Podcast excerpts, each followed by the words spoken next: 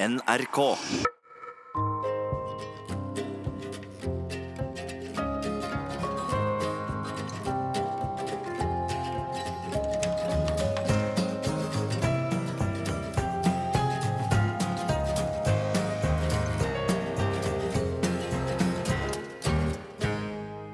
Dette programmet skal handle om en reise til Hellas. Men ikke det Hellas mange kjenner fra ferier. Nei, det er et dunklere sted vi skal til. En merkelig avsondret halvøy få har hørt om og enda færre besøkt. Jeg kan si sikkert at ikke en eneste kvinnelig lytter har vært dit vi skal, for ingen kvinner har vært der på tusen år. Jeg heter Christian Lysvåg og er filosof og journalist. Tenker og skriver og jobber med film. Ideer er vel i grunnen min kapital. Og så leter jeg etter fenomener og opplevelser under overflaten, eller under radaren, bør jeg kanskje si. Vi begynner i Tessaloniki og reiser mot sørøst. Ut på landmassen som ligner en hånd, med tre fingre som griper etter havet. Det er noe symbolsk med denne geografien, som om den trygge grunnen, rasjonaliteten, forsøker å gripe mysteriet. Det er egentlig den reisen det skal handle om i dag. Ut på den nordligste av de tre fingrene skal vi.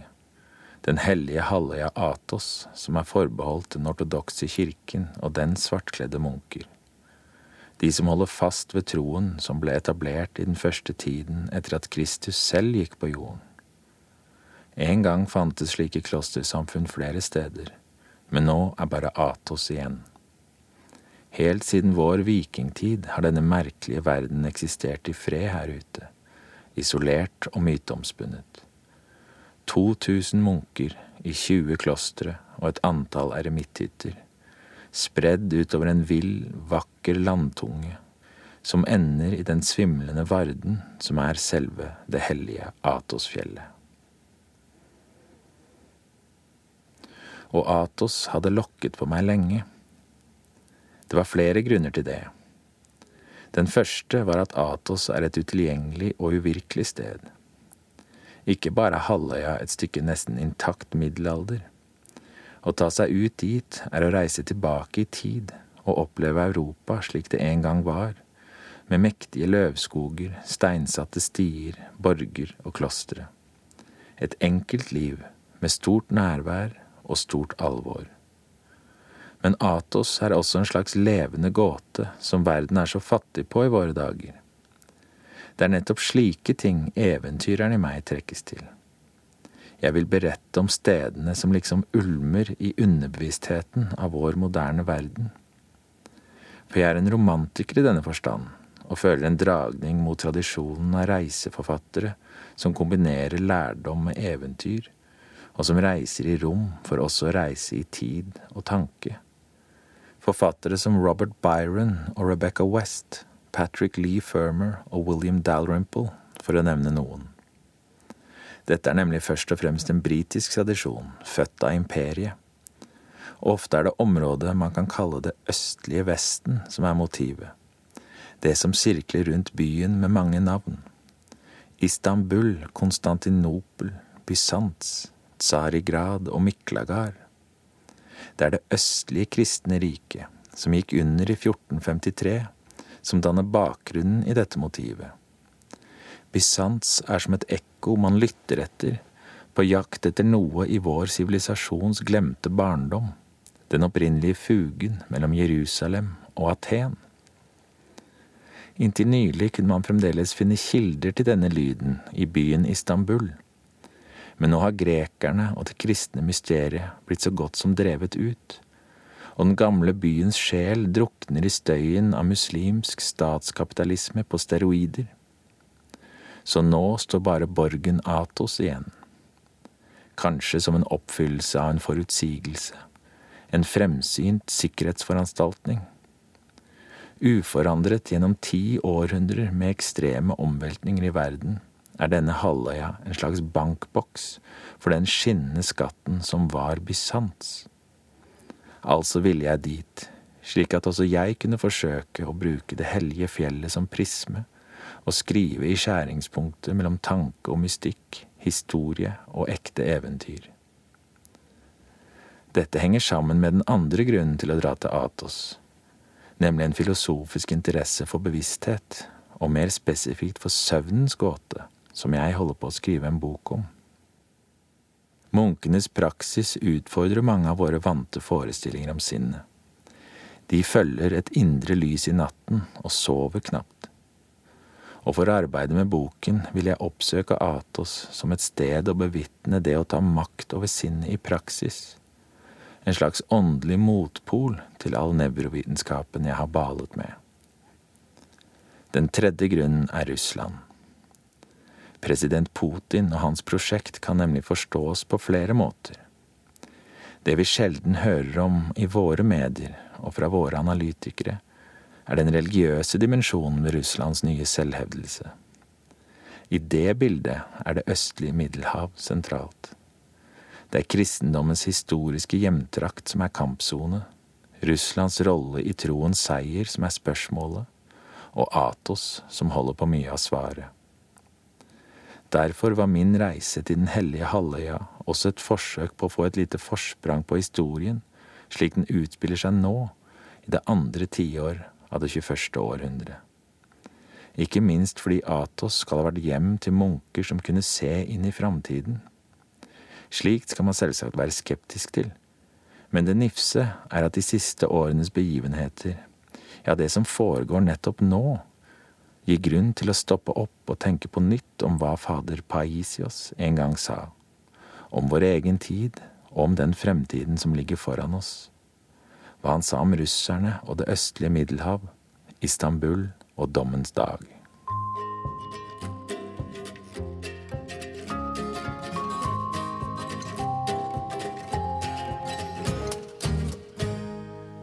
Fra Tessaloniki har vi nådd frem til byen Orianopolis, som er siste utpost i den vanlige verden.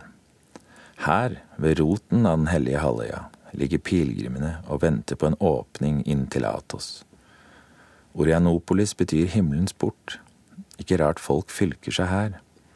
Jeg ser kvinner som har kledd seg i nonnegevanter, og andre som har hengt på seg alle sine kors og hellige smykker. De vet at det ikke nytter, men vil vel føle at de har gjort et forsøk, kommet så nære de bare kan for ingen kvinner får komme inn på Atos.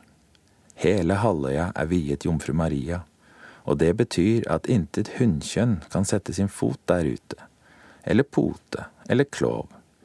Forbudet gjelder alle arter, med tusenårig unntak for katter, siden de er så effektive mot slanger, rotter og mus.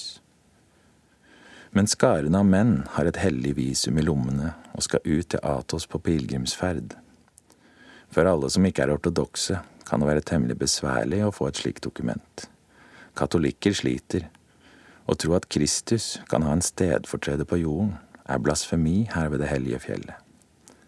Det er faktisk bedre å ikke være religiøs i det hele tatt enn å tilhøre en avvikende kristendom eller annen religion. Det er nemlig gjennom religiøs vranglære at det onde gjør seg gjeldende i verden, mener munkene på Atos. Her skiller de seg fra en annen svartkledd gjeng jeg har hatt gleden av å bli kjent med. Da jeg kjørte bil gjennom Afghanistan mens Taliban regjerte, var det avgjørende å erklære seg som kristen. Jesus anerkjennes som en profet i islam. Å tro på ham gjør deg dermed til et menneske. Å innrømme ateisme var å diskvalifisere seg i denne forstand og sette livet på spill. Men munkene på Atos er strengere. De mener paven er antikrist. Bedre da med troløse, som er latterlige, men uskyldige. Munkene er dog skeptiske til journalister, og det er som journalist jeg har reist. Den konkrete foranledningen for mitt besøk på Atos er å skrive en featuresak for gatemagasinet Er lik Oslos julebok. Sjefsfotografen der, grekeren Dimitri, er mitt reisefølge på denne turen. Og det er han som med sine kontakter på innsiden av Atos har ordnet dette for oss. Med Dimitris hjelp har jeg altså fått innpass til dette stedet som har lokket så lenge, og som har personlig interesse for meg langt utover det å være journalist i vanlig forstand. Du har ikke kommet hit bare for å skrive en reportasje, har du vel?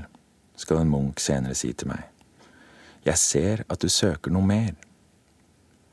Visumet jeg får i hånden, mitt diamonitirion, er det prektigste dokument som har båret mitt navn. Papiret blir første møte med den tohodede ørnen, bysant seil, den ortodokse kirkens symbol. Det er samme ørn som man møter i Russland og Serbia, ja, over hele det ortodokse Øst-Europa. Forbindelsen mellom Bysants og den slaviske nasjon er gammel og dyp, og den bærer i seg store visjoner for fremtiden. Det handler om religiøs gjenoppvåkning, men altså også om noe mer. Det dreier seg om en russisk fremtidsvisjon av geopolitiske dimensjoner. Det er nemlig ikke tilfeldig at Putin har vært på Atos flere ganger. For hans prosjekt er ikke bare å gjenreise Russland som stormakt målt i politisk innflytelse og militær styrke. Det handler også om å virkeliggjøre den metafysiske skjebnen som er skrevet inn i Russlands historiske bevissthet. Russerne ser på seg selv som et utvalgt folk, nasjonen som skal føre kristendommen til sin endelige seier. Filosofen Ivan Ilyin har skrevet at oppgaven er å fullføre Guds uferdige arbeid og skape hans totalitære rike. Det var skjebnen russerne fikk i fanget den gangen i 1453, da Bysants falt, tsaren tok Konstantins krone og kalte Moskva det tredje Roma. For å få til dette må først Russland selv være en totalitær stat. Så kan de gå etter det større målet, som bekreftes at det i Kreml i dag finnes strategiske doktriner for erobringen av Istanbul. Russland skal ta tilbake det hellige setet for den ortodokse tro. Man skal gjenerobre Bysants når tiden er moden. Og det er kanskje i lys av dette at man må forstå noe av dagens russiske oppførsel rundt det østlige Middelhav. Krim, Balkan og Syria, brohoder mot Bysants. I dette bildet er Atos fyrtårnet som viser veien. Det er minnet som peker inn i fremtiden, den hellige grunnen der man kan få bekreftet sin tro og hente ny overbevisning, slik Putin kanskje gjør når han er på besøk.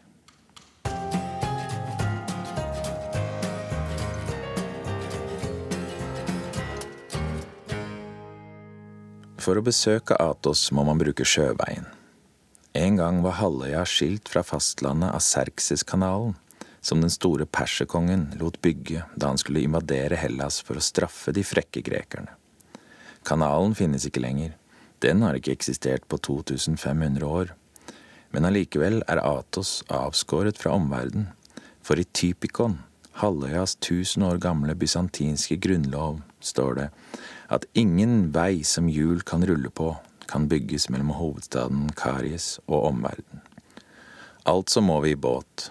Det er en blanding av ferje og lasteskip. Vi står ute på dekk under et solseil som ynker seg i vinden. For det er ikke sol. Varmen i Tessaloniki har veket for en kald vind og blygrå himmel. Kanskje det er et tegn. Jeg føler et merkelig alvor i det vi legger ut på de skumhvite bølgene. Rundt meg står pilegrimer, men også mange munker, på vei hjem. Det blåser så mye at de lange skjeggene deres blafrer til alle kanter, rundt hodene, i øynene, inn i munnen. Det er et artig skue, og noen av munkene morer seg i vindens dans med skjegg og kjortler. Men de yngste av dem er alvorlige. Kanskje de skal ut på Atos for første gang? Jeg tror flere av dem er russere, de har pistrete røde og svarte skjegg, men klare, sterke øyne og panner uten linjer. Jeg tenker på litteraturens bilder av den dype slaviske sjel. Brødrene Karamazov er kan hende om bord. Det er iallfall samme følelsen å nærme seg Atos som å lese Dostojevskij. Svarte klær, magre kropper, brennende øyne. Store ting på gang i menneskets indre. Skuta stopper ved hvert kloster langs kysten utover halvøya. De ligger der ensomme og isolerte. Vidunderlige, intrikate borgere i fjellsidene, gylne havner langs havet. Tankene går til Tolkiens verden, en følelse av tidløshet som danner vindu til det rene hjertet. Men jeg ser også gjørmete veier oppover åsene, med landrovere og lastebiler. Tøffe kjøretøy for tøffe folk og forhold. Dette stedet er hellig og uendelig vakkert, men det har også et litt militært preg, Munkene er soldater, og selv om våpenet er bønn, må de også være barske i praktisk forstand. Landsbyen Daphni er siste stopp for fergen. Her venter bussen som skal ta oss til hovedstaden Karies, oppe på ryggen av halvøya. Bussen er stappfull og snegler seg oppover vågale veier. Den vingler og vralter og slurer på girene mens den sklir i sleip gresk gjørme. Skogene er store, tette og grønne. Det er hasselnøtt og valnøtt, kastanje og sypress, og mange andre varmekjære, herlige treslag, blandet med furu og andre mer stikkende, tørre skapninger. I Karies er det egentlig bare én gate, og ikke mange hus. Det er ikke mye som skal til for å være nervesenter i en verden som på mange vis er uforandret siden 900-tallet. Men det finnes både politi og brannbil et postkontor og et slags rådhus, eller parlament. Det er her munkenes råd sitter og bestemmer over Atos. Hvert kloster sender én representant, og så velger de igjen en slags regjering. Greske myndigheter er her ute fordi de får lov, sier munkene, ikke omvendt. Atos er selvstendig. Det er en Guds stat på jorden, på gresk jord. Og Guds stat er altså fri for hunnkjønn.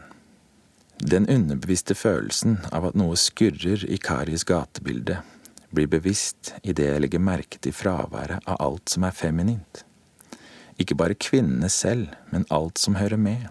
Varer i butikkene, pynt i vinduene, det feminine i selve sansebildet, en kjole, en håndveske, farger, en duft av parfyme. Og det er en merkelig stemning blant mange av mennene. De fleste er alvorlige og besluttsomme. Noen er muntre og glade, men en del virker også usikre og utilpass, slik man er fryktsom før et sprang ut i noe ukjent. For karies er aller siste mulighet for fremdeles å feige ut, før man tar skrittet til selve klostrene og troens mysterium. Folk reagerer forskjellig på dette alvoret. Noen blir fredsommelige, andre blir urolige og tar til flasken for det selges godt med alkohol i Karies. Butikken bugner av vodka og øl. Nyreligiøse russere, skurkaktige i sitt glinsende treningstøy, og hjemløse grekere skåler i billig sprit her ute ved virkelighetens ytterpost. Mange grekere kommer hit av ren nød. Det er jo gratis å bo og spise hos munkene. I prinsippet kan en hjemløs vandre fra ett kloster til det neste i to måneder. I tre dager kan man bli, sier regelen, på hvert av de tyve, men mange blir jo for alltid.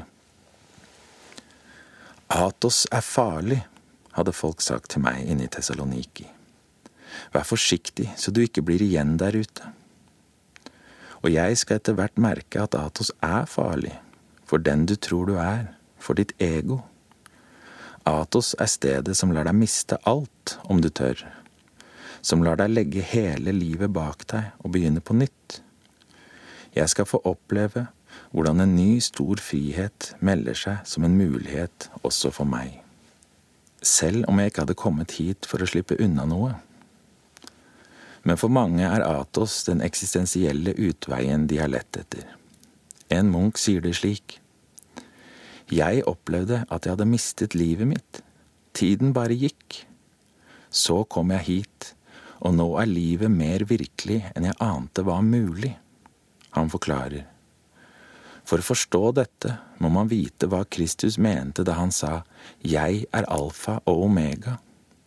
Det betyr at han er altet, og det betyr at å følge ham er å søke alt og ikke forsake noen ting. Det er som å stå på et utsiktspunkt. Du ser hele landskapet, mens ingen der nede ser noen helhet.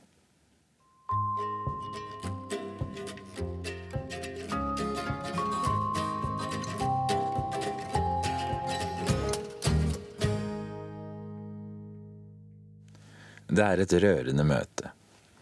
Fotograf Dimitri treffer igjen sin gamle venn Sokrates for første gang på 20 år. Dimitri dro til Norge, Sokrates dro i kloster. Det er fader Sokrates som er vår kontakt på innsiden av denne mystiske verden. Det er han som skal åpne dørene og forklare de tusenårige tradisjonene. Han har vært her i 20 år, og han stråler. Sunn og glad syns jeg han virker, snart til å le. En mann på toppen av sin livskurve. Han ville ikke si hva det var som skjedde for 20 år siden, som fikk ham til å reise hit, men han sier at han alltid hadde lengtet etter det rene hjertet, og her på Atos fant han endelig det. Kotlomosi heter Sokrates kloster, ti minutters gange fra Karies. Det ble grunnlagt på slutten av tusentallet, viet Guds transfigurasjon. Med sine 35 munker er det et middels kloster på Atos, veldrevet og vakkert, men ikke så overveldende som noen av de andre. Kotlomosi har derimot en annen glorie knyttet til sitt navn. Fader Paisios er den største helgen fra Atos i moderne tid. Han er berømt over hele Hellas og den ortodokse verden. Og frem til sin død i 1994 var det her ved Kotlomosi han holdt til. I klosterets dunkle celler skal jeg senere få høre om fader Paisios dystre spådommer. Hvordan han forutså det bibelske dyrets seier i form av binær kode og kunstig intelligens og hvordan han forutså noe som ligner på president Putins bevegelser. Men det er senere. Nå inviterer Sokrates på middag. Vi får dog ikke sitte med munkene i refektoriet. Et siderom er satt av til slike som oss. Men gjennom en glugge ser jeg munkene lange innpå mens én leser fra Bibelen. Hvorfor slik hastverk? Det er fordi munkene må være ferdige idet abbeden slår i glasset. Når klosterets leder har spist opp, må alle andre også gi seg. Gjester slipper heldigvis å forholde seg til dette, og jeg spiser rolig videre. Grønnsaksgryte med hardt, gammelt brød. Etter middag får jeg tildelt en celle. Den virker gold i det grelle lyset fra en enslig pære, og jeg går heller ut igjen og utforsker klosteret. Ytterveggene omslutter en stor borggård der selve kirken ligger. Langs denne plassen løper bueganger i flere etasjer. Rundt omkring under buene sitter munker og leser eller snakker. Det er som en magisk verden, med lykter og små lyspunkter spredd rundt omkring i denne borgen. Likevel er det noe med stemningen, det fremmede og alvoret, som gjør at jeg føler uro. Så jeg går isteden utenfor murene. Det er helt stille og natten er så mørk som i en fjern, fjern fortid. I tusen år har dette klosteret stått her, og slik vil det vel også fortsette å stå i enda tusen år. For dette er en oase utenfor tid, et hjem for mennesker som strever med å gjøre seg fri fra det forgjengelige. I mørket på stien utenfor klosterporten møtes jeg av småløpende skråling. Det er en mann som kommer for sent. Han får ikke sove her inne i natt, så han forteller meg heller sin historie. Jeg kom hit for å få bukt med mitt rusproblem, sier Kristos Alexandros. Jeg har vært på Atos i tre år. I alle klostrene har jeg bodd. Jeg har sett undre og opplevd hellige mirakler. Troen min er sterk. Jeg har ikke rørt droger på 20 måneder. Men jeg tar en fest, og nå skal vi drikke. Nei, det skal vi ikke. Jeg skal legge meg tidlig for å forsøke å falle inn i den døgnrytmen som gjelder på Atos. I alle klostrene begynner morgenmesten klokken tre eller fire. Munkene står gjerne opp klokken to. Det betyr at man går tidlig til sengs. Men munkene trenger ikke mye søvn.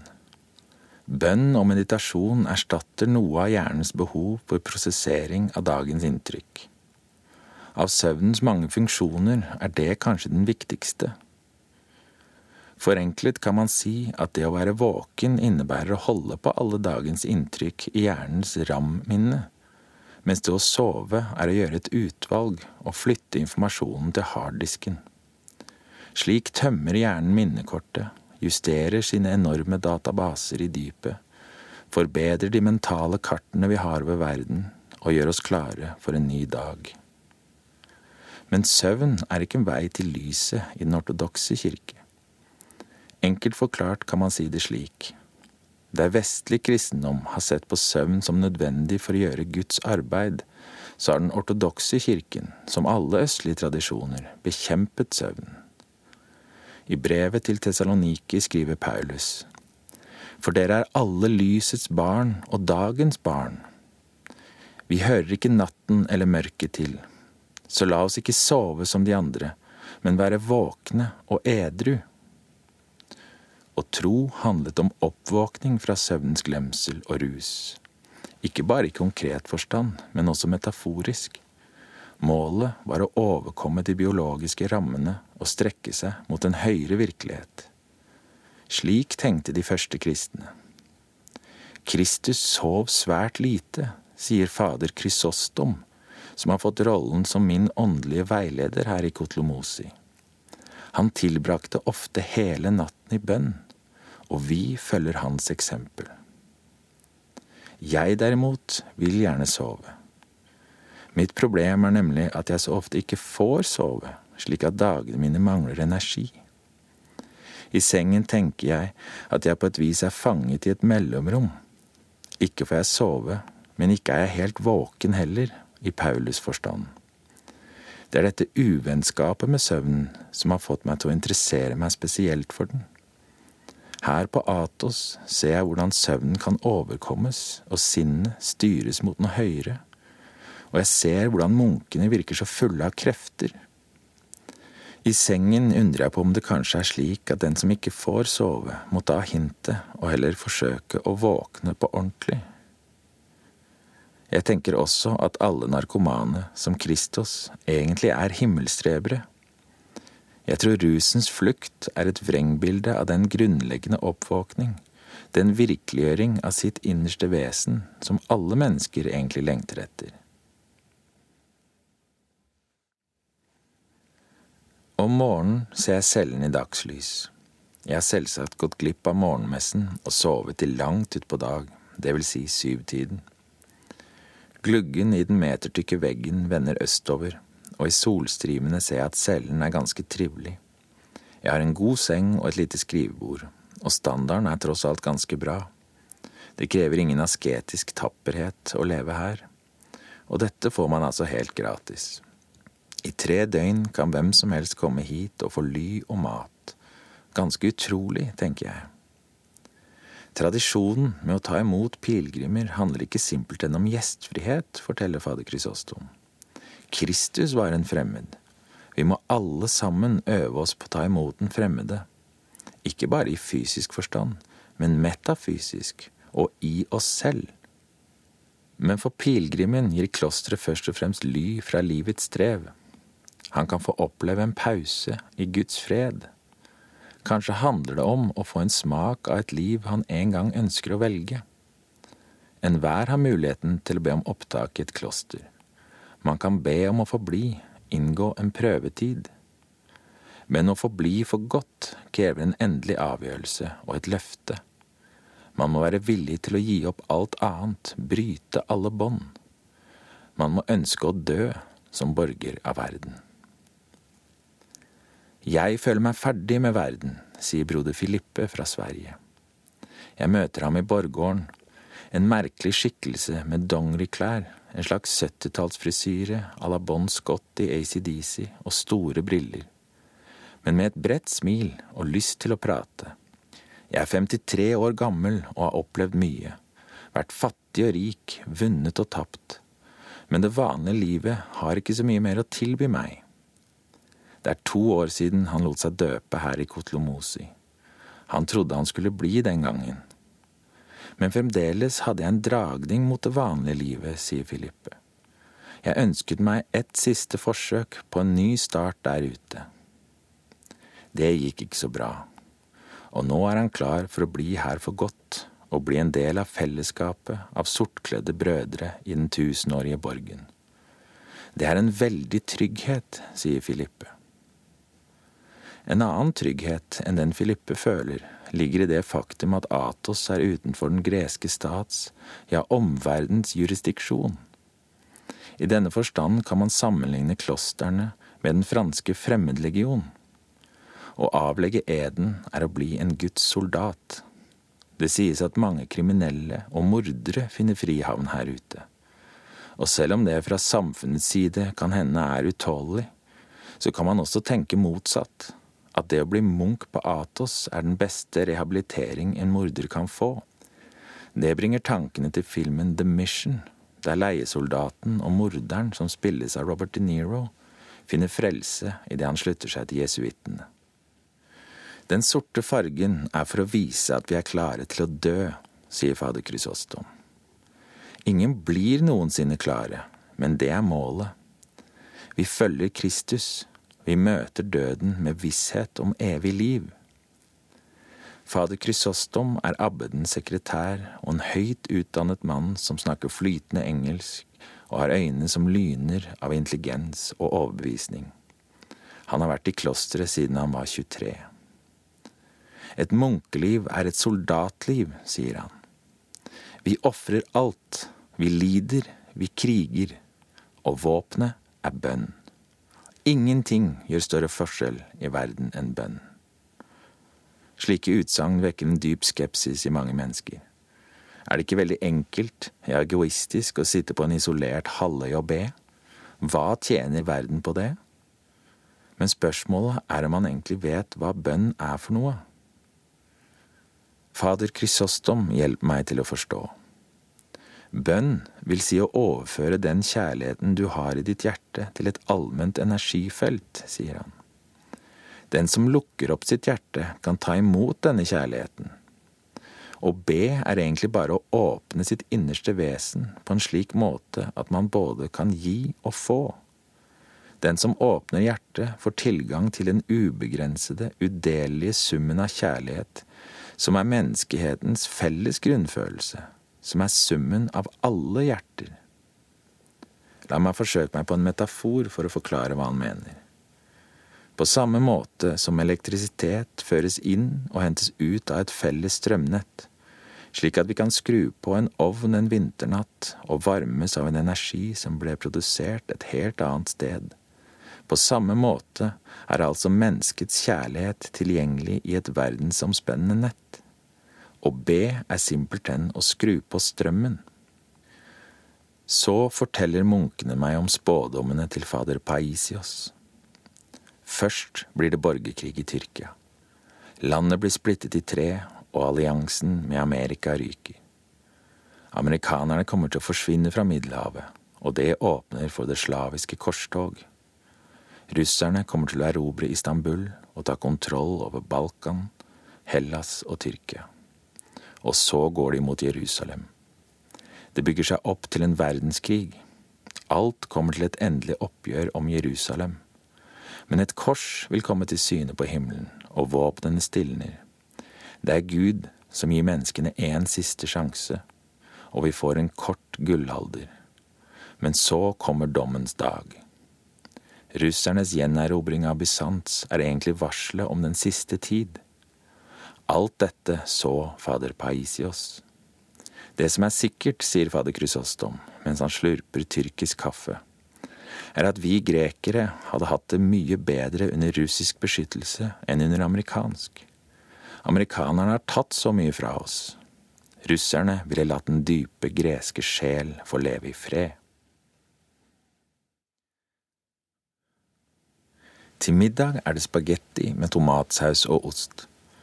Men spiser dere ost, da? sier jeg himmelfallen. Dere har jo ikke hunndyr. Jeg trodde ikke det fantes ost på Atos, jeg. Vi kan spise ost annenhver dag, sier munken som passer på oss i spiseavdelingen for villfarne. Han ser temmelig dyster ut, men når han smiler, lyser det. Annenhver dag olje og ost, vekselsvis. Fisk på helligdager og til fest.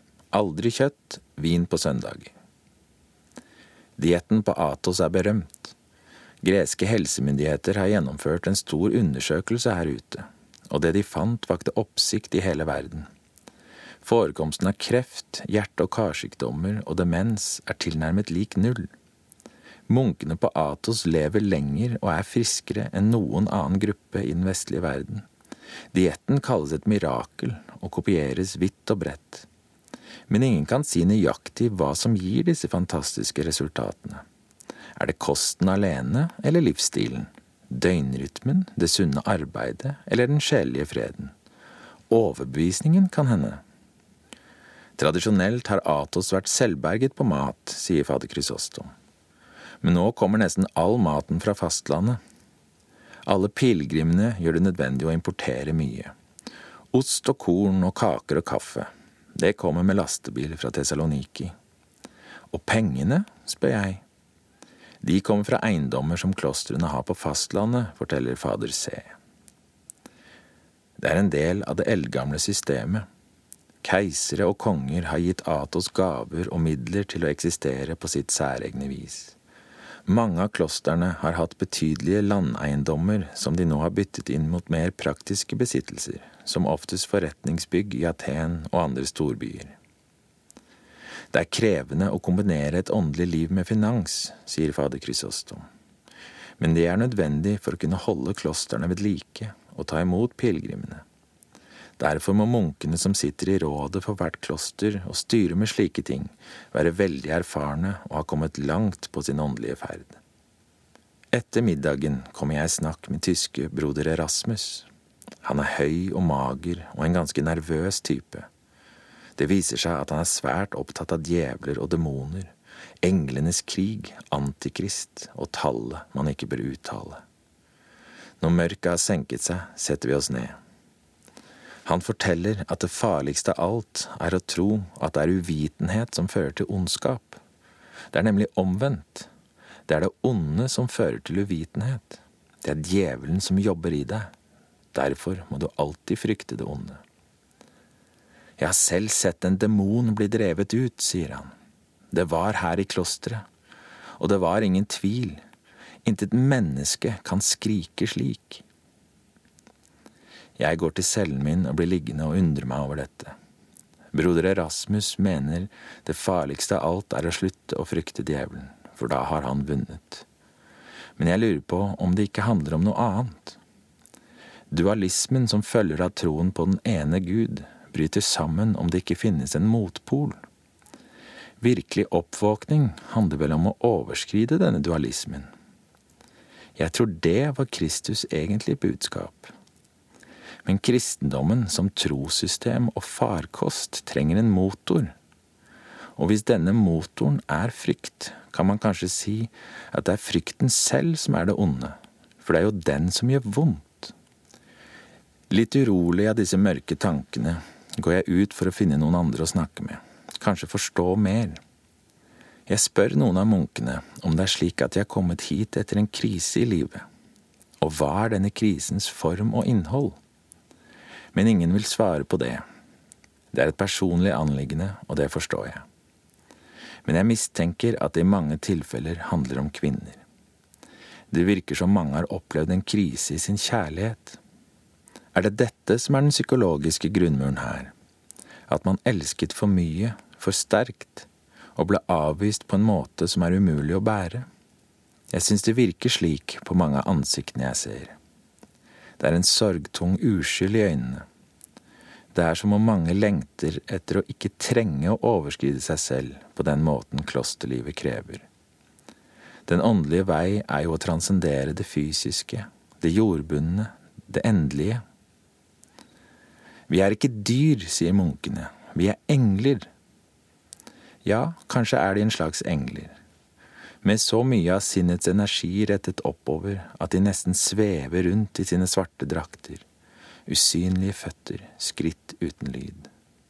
Det hjelper også at ingen kvinner finnes her, så minnes ikke munkene på kjærlighetssorgen, som ikke bare er til én, tror jeg, men til selve det levende livet, til biologien.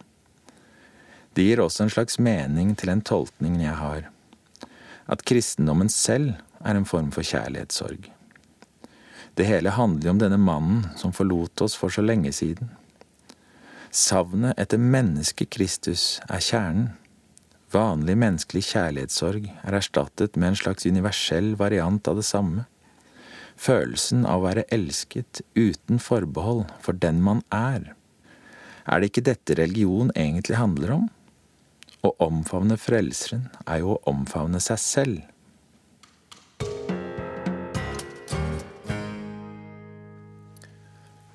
I den kalde, grå morgenen samles pilegrimene i klosterets varme velkomstkrypt. Det er en slags kafé, og alle bestiller tyrkisk kaffe.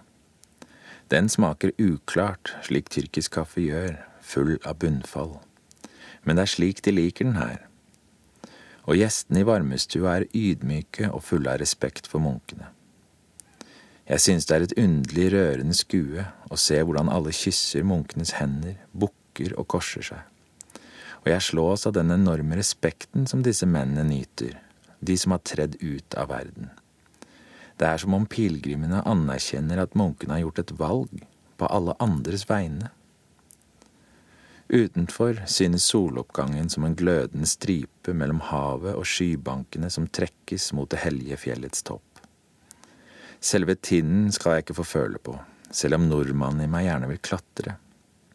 Toppen er dog høy, 2000 meter, og altså hyllet i uvær. Så dagens ekspedisjon går en annen vei. Jeg vil besøke flere klostre nede på nordkysten. Blant dem mektige Iviron, som ryktes å ha skatter man knapt kan forestille seg. Først går det ganske bratt nedover, langs fantastiske middelalderveier i en dyp, tett skog. Jeg vandrer inn i et eventyr og må gni meg i øynene. Ja, jeg gjør faktisk det. Steinsatt er stien, digre, glattslitte heller under fot, og murer langs kantene. Det er gjerdesteiner mot stup og broer over elveløp og raviner. Og hvilke broer! Tusen år gamle bysantinske buer, gråskimlete av elde og grønne av mugg, men intakte. Intet jordskjelv, ingen krig har brutt opp denne veien. Mellom slyngplanter ser jeg symboler og seil hugget inn i murene. Jeg tar bilder, men klarer ikke å fange denne stemningen. Det er en jublende følelse, som å se en levende enhjørning. Bekreftelsen av et sinnbilde som har ligget der siden barndommen. Nede ved havet venter sagnomsus til Iviron, et enormt kloster med høye murer som krones av etasjer med utkragende trefløyer og balkonger. I Ivirons berømte bibliotek oppbevarer munkene noen av de mest fantastiske skattene som finnes i hele verden. Skriftverker som strekker seg tilbake til de første århundrer av kristendommen, til Romerriket og Bysants. Her finnes noen av de tidligste nedtegnelsene av troens viktigste fortolkninger, men også andre sentrale aksiomer som har formet hele Vestens historie. Iviron inneholder på sett og vis deler av oppskriften på hvem vi er. Det er verdt å reflektere over hvilken sprengkraft dette har, også for fremtiden. For selv om vi ikke tenker over det, er mange av våre sannheter, systemer og institusjoner i virkeligheten symbolske konstruksjoner. Selv i den moderne vitenskapens tid er noe av det grunnleggende i våre liv styrt av gamle avgjørelser eller av en enighet som ble etablert mens alternativene ble forbudt eller glemt. For verden kan alltid tolkes på flere måter, og vår verden kunne vært annerledes.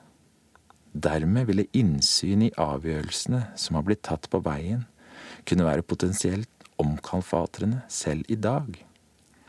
Det er en av grunnene til at det som skjuler seg i Atos biblioteker og hvelv, er så hemmelig.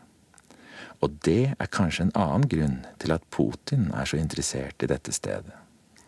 Men jeg får ikke besøke biblioteket. Ikke at jeg hadde fått så mye ut av det heller, min manglende mestring av gammelgresk og andre oldtidsspråk tatt i betraktning. Men Ibiron føles lukket og ugjestmildt, så jeg går ned til havet. Det var i denne bukten at jomfru Maria gikk i land, sier legenden. Tiltrukket av dette paradisiske stedet. Hun var på vei for å besøke Lasarus på Kypros, men så Atos og ville i land. Senere ba hun sin sønn om å vie halvøya til henne. Det er derfor ingen andre kvinner får komme hit, den er hennes. Jeg kan se det for meg. Hun vasset nok ganske langsomt i land nettopp her, strålende glad og sikkert solbrun fra seilasen. Fra tanken om Maria går blikket til to fine hunder som morer seg i vannkanten. De slo følge med meg et sted oppe i løvskogene og har ventet utenfor klosterportene. Jeg synes hundene blir symbolske for hele Atos. Ingen kvinner, ingen tisper, ingen biologisk virkelighet. Bare kjærligheten mellom brødre. Jeg følger stien langs kysten og passerer en forlatt tårnborg som reiser seg fra klippene. Den minner om at det kristne liv her på Atos også har hatt en militær side. Man måtte forsvare seg. Selv om både konger og keisere har holdt sin beskyttende hånd over Atos. Selv Hitler gjorde det, smigret av forespørselen fra munkene. Har det alltid funnes trusler? Ikke minst har det vært pirater på gang. Det er ikke så lenge siden Iviron ble ranet av bevæpnede menn som kom sjøveien. De kjente til noen av klosterets skatter og visste hva de lette etter. Tilbake over havet forsvant de, i raske båter, men munkene fikk slått alarm, og Interpol stoppet bandittene på den bulgarske grensen. Det er et stort marked for ortodokse skatter i Øst-Europa. Det kan være snakk om helt astronomiske priser dersom en oligark av den mer lyssky typen skulle få tilbud om en hellig skatt. Det andre klosteret på denne dagsmarsjen er Stavronikita. Det er det minste og nyeste på Atos, fra 1500-tallet en gang, og helt sikkert et av de fineste. Det er en perfekt, nesten transcendent verden jeg trer inn i. Så uvirkelig stille og rent, nesten som om selve livet holder pusten. Alt er steinsatt. Det er kjølige bassenger, buede akvedukter, klosterganger, tårn og overheng. Overalt vokser druer, slyngplanter og blomster. I det vesle velkomstrommet får jeg den beste kaffen hittil. Men Stavronikita er fullt, og jeg får ikke tilbringe natten her som planlagt. Det virker merkelig, syns jeg, for jeg ser ikke en eneste pilegrim. Er det bare en unnskyldning for å slippe brysomme spørsmål? men fader Palsominios tar seg tid til å prate litt med meg før jeg må dra. Han forteller at han valgte dette klosteret fordi han var arkitekt i sitt tidligere liv. Frem til han var 40, tegnet han hus og bygninger i Tessaloniki. Mer og mer religiøs i stilen, forteller han. Han merket sin sjelelige utvikling på hvordan han tegnet. Og så tegnet han seg ferdig og måtte videre. I ti år nå har han vært munk på Stavronikita. Det måtte bli her, sier han, bare se deg rundt. Jeg skjønner hva han mener, men hos meg skaper det ikke sinnsro. Det er så perfekt at jeg nesten får panikk. Det er som å være i en drøm vevd av et stoff som verken har lukt eller smak. Altså vender jeg tilbake til Kotlomosi, der jeg føler meg mer hjemme. Jeg klatrer gjennom skogen i skumringen og rekker akkurat frem før portene stenger.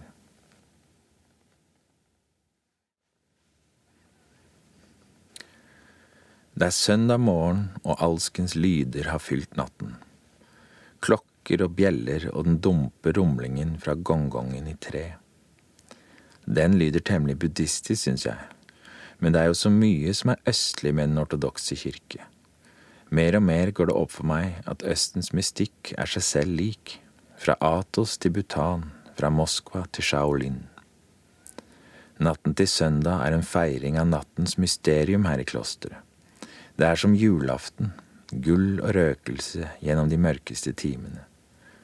Slik gjør den ortodokse kirke vargtimen til en vake, og sårbarheten i sinnet snus til et fortrinn. Hjertet har lettere for å åpne seg. Jeg har stått opp klokken tre og fått med meg dette. Søvndrukken sto jeg og svaiet i kirken. Først bare delvis til stede, men så våknet jeg og følte nettopp dette at bevisstheten var en annen, rettet mot det som dagen og den utovervendte oppmerksomheten overdøver. Noe skimrende i meg selv, som liksom fant en harmoni med den dunkle sansestrømmen i kirken.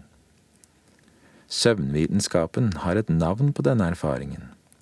The Watch kalles den, en tredje tilstand med særegne hjernebølger. Forskerne mener denne tilstanden historisk sett er mye av kilden til menneskets fantasi, tro og filosofi. Dype forestillinger om alt det som dagen ikke rommer. Før det elektriske lyset var vi alle nødt til å ha våkne perioder i mørke, eller halvmørke. Nå er den tredje tilstanden borte fra moderne liv, men ikke her i klosteret. Det er mye av hemmeligheten.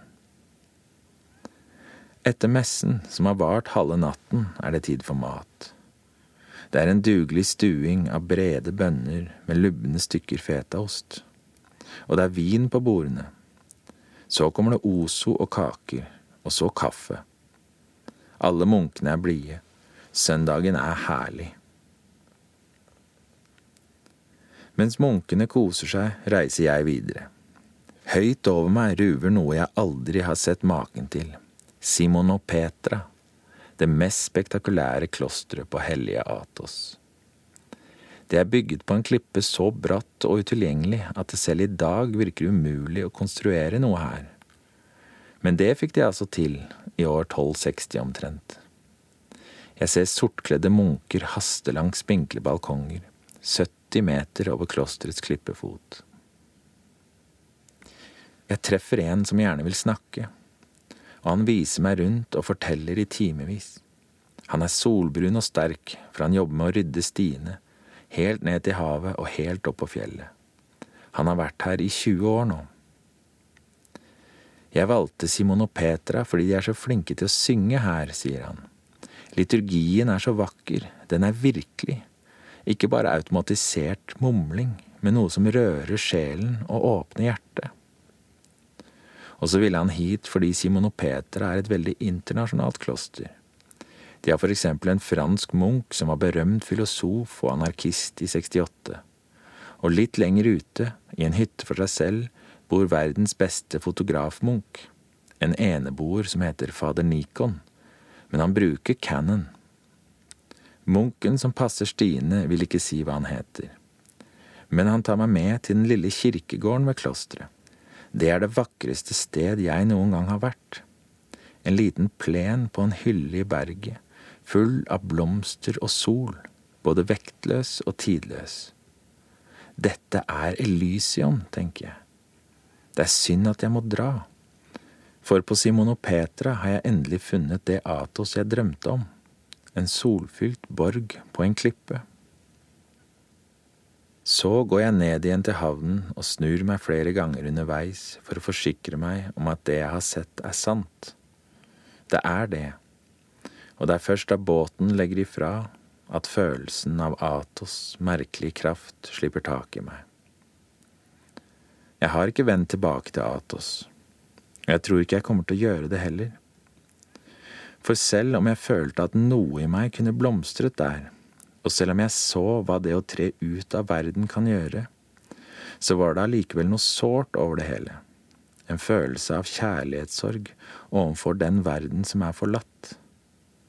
Men jeg lærte mye på Atos, og det er en trygghet i å vite at et slikt sted finnes, om man skulle trenge å rømme på ordentlig.